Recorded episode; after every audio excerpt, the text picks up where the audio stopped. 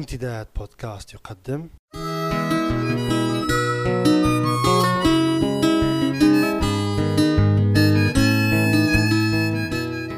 رسالة من لندن.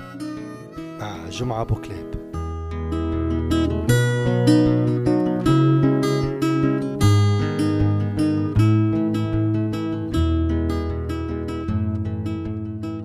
إنها الحرب فلتسقط الراء.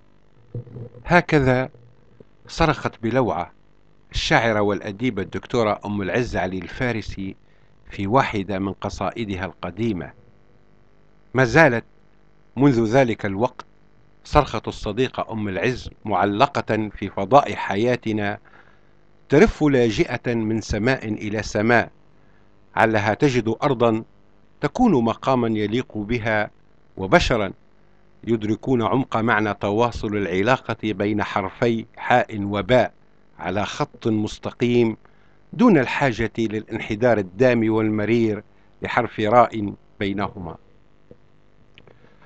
وها نحن كبشر ما زال يسكننا الخوف من الحرب ونجد أنفسنا في القرن الحادي والعشرين وجها لوجه أمام حرب أخرى مختلفة عما سبق من حروب عرفها العالم وأكلت الأخضر واليابس وأصابت الأرض بيتم دائم وحسرة لا تكف وها نحن بدأنا نشاهد خشبة المسرح تعد من جديد لحرب جديدة مختلفة. أطلقوا عليها هذه المرة اسم الحرب الإلكترونية cyber warfare وقالوا لنا إن روح هذه المعركة وسلاحها الفتاك هو موجات الإلكترون وأضافوا مطمئنين لنا بأنها حرب ليست كسابقاتها ولن يكون فيها موت ودمار ولن ينتج عنها يتم وفقدان لأنها حرب معلومات بين أمم جشعة غربية أمريكا وبريطانيا على وجه التحديد وشرقية الصين وروسيا. تتنافس فيما بينها للسيطرة على العالم إلكترونيا من أجل نهبه ماديا. في العدد الأخير من مجلة The Spectator الأسبوعية ذات التوجه اليميني المحافظ قرأت في عدد الأسبوع المنصرم مقالة تحت عنوان شبكة الصين التجسسية كتبها فريزر نيلسون وفيها يؤكد منذ البداية أن حرب سرقة المعلومات الإلكترونية بين الغرب والصين وروسيا قد انطلقت منذ سنوات وإن الخاسر فيها لحد الآن هو الغرب. We are at war online and we are losing it. يقول نيلسون حتى وقت متأخر فإن كلا من بريطانيا وأمريكا كانتا تتباهيان بأن أسرارهما الإلكترونية آمنة وراء جدران من الدفاعات إلا أن التسريبات التي نشرها موقع ويكيليكس قد أبانت بعدم حقيقة هذا الادعاء وبأنه مدعاة للضحك.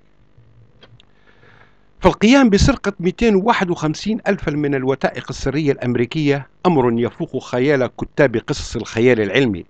فما بالك بقدرات الجواسيس؟ ويرى نيلسون أن الحرب الإلكترونية ينظر إليها كأمر غير قابل للتصديق في الغرب لكنها في الشرق تؤخذ على محمل الجد.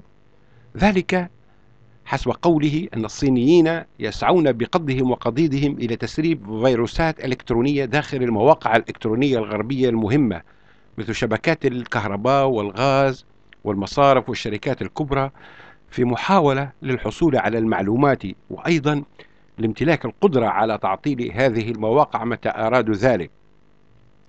وتقوم الصين بشن هجمات إلكترونية على الشركات البريطانية الكبرى المتخصصة في الهندسة والنفط والصناعات الدفاعية بغرض سرقة أسرارها وكانت شركتا شيل النفطية ورولز رويس من أولى الضحايا.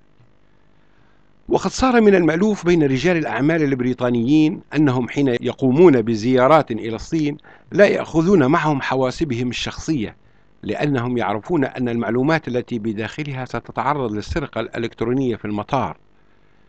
لذا قام رئيس المخابرات الداخلية البريطانية المعروفة اختصارا باسم MI5 بتوجيه رسائل إلى مدراء في 300 من الشركات البريطانية الكبرى يحذرهم فيها من الاختراقات الصينية لسرقة أسرار شركاتهم. الأمر المثير للدهشة هو أن أمريكا وبريطانيا رغم علمهما بما تقوم به الصين وروسيا من محاولات اختراق فإنهما غير قادرتين على توجيه أي تهمة لهما لأن الاختراق الإلكتروني يتم من مواقع خارج أراضي تلك الدولتين. وذكر نيلسون في مقالته مثالا عن ذلك بقصة الاختراق الإلكتروني الذي قامت به كوريا الشمالية ضد كوريا الجنوبية. وقامت سلطات الدولة الأخيرة بالاستعانة بشركة فيتنامية أمنية متخصصة لتحديد مصدر الهجوم الذي حدث السنة الماضية. فتبين أن مصدره عدة أجهزة حاسوب موزعة على مناطق مختلفة من العالم وإن الأمر بالهجوم جاء من جهاز حاسوب موجود في مدينة برايتون على الساحل الجنوب الشرقي لبريطانيا. وعلى عكس الحرب الباردة التي تأسست على مبدأ الردع النووي المتبادل بمعنى أنه لو قام الاتحاد السوفيتي سابقا بإطلاق صاروخ موجه نحو أمريكا فإنه يعرف مسبقا بأن أمريكا سترد الصاع صاعين. لكن في هذه الحرب الجديدة لن يكون بمقدور أي دولة تتعرض لهجوم إلكتروني أن تحدد الجهة التي جاء منها الهجوم عليها ولن تتمكن من الرد مهما كانت قدراتها وإمكاناتها.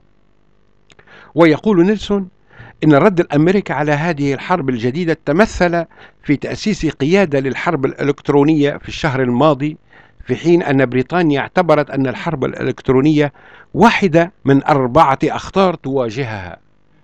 لذلك خصصت بريطانيا ميزانية تقدر ب 650 مليون جنيه استرليني كميزانية لهذه الحرب.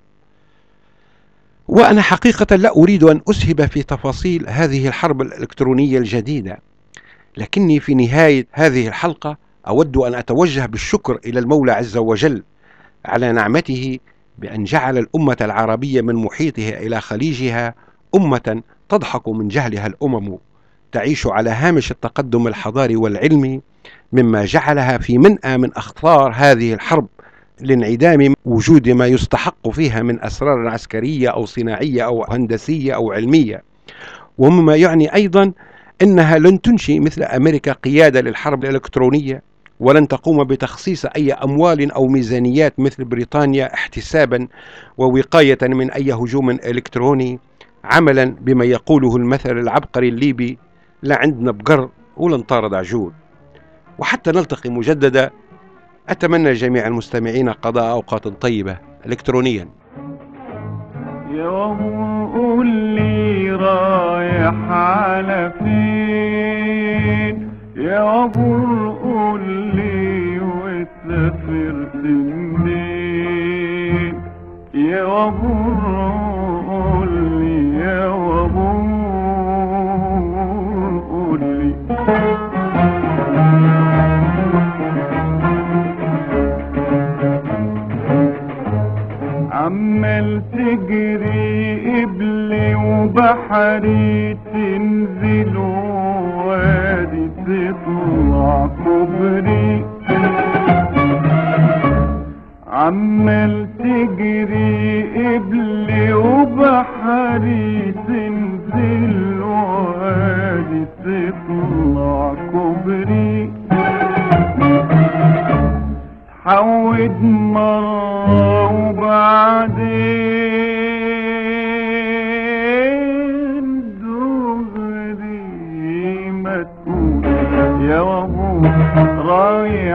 على فين صوتك يدوي وانت بتسوي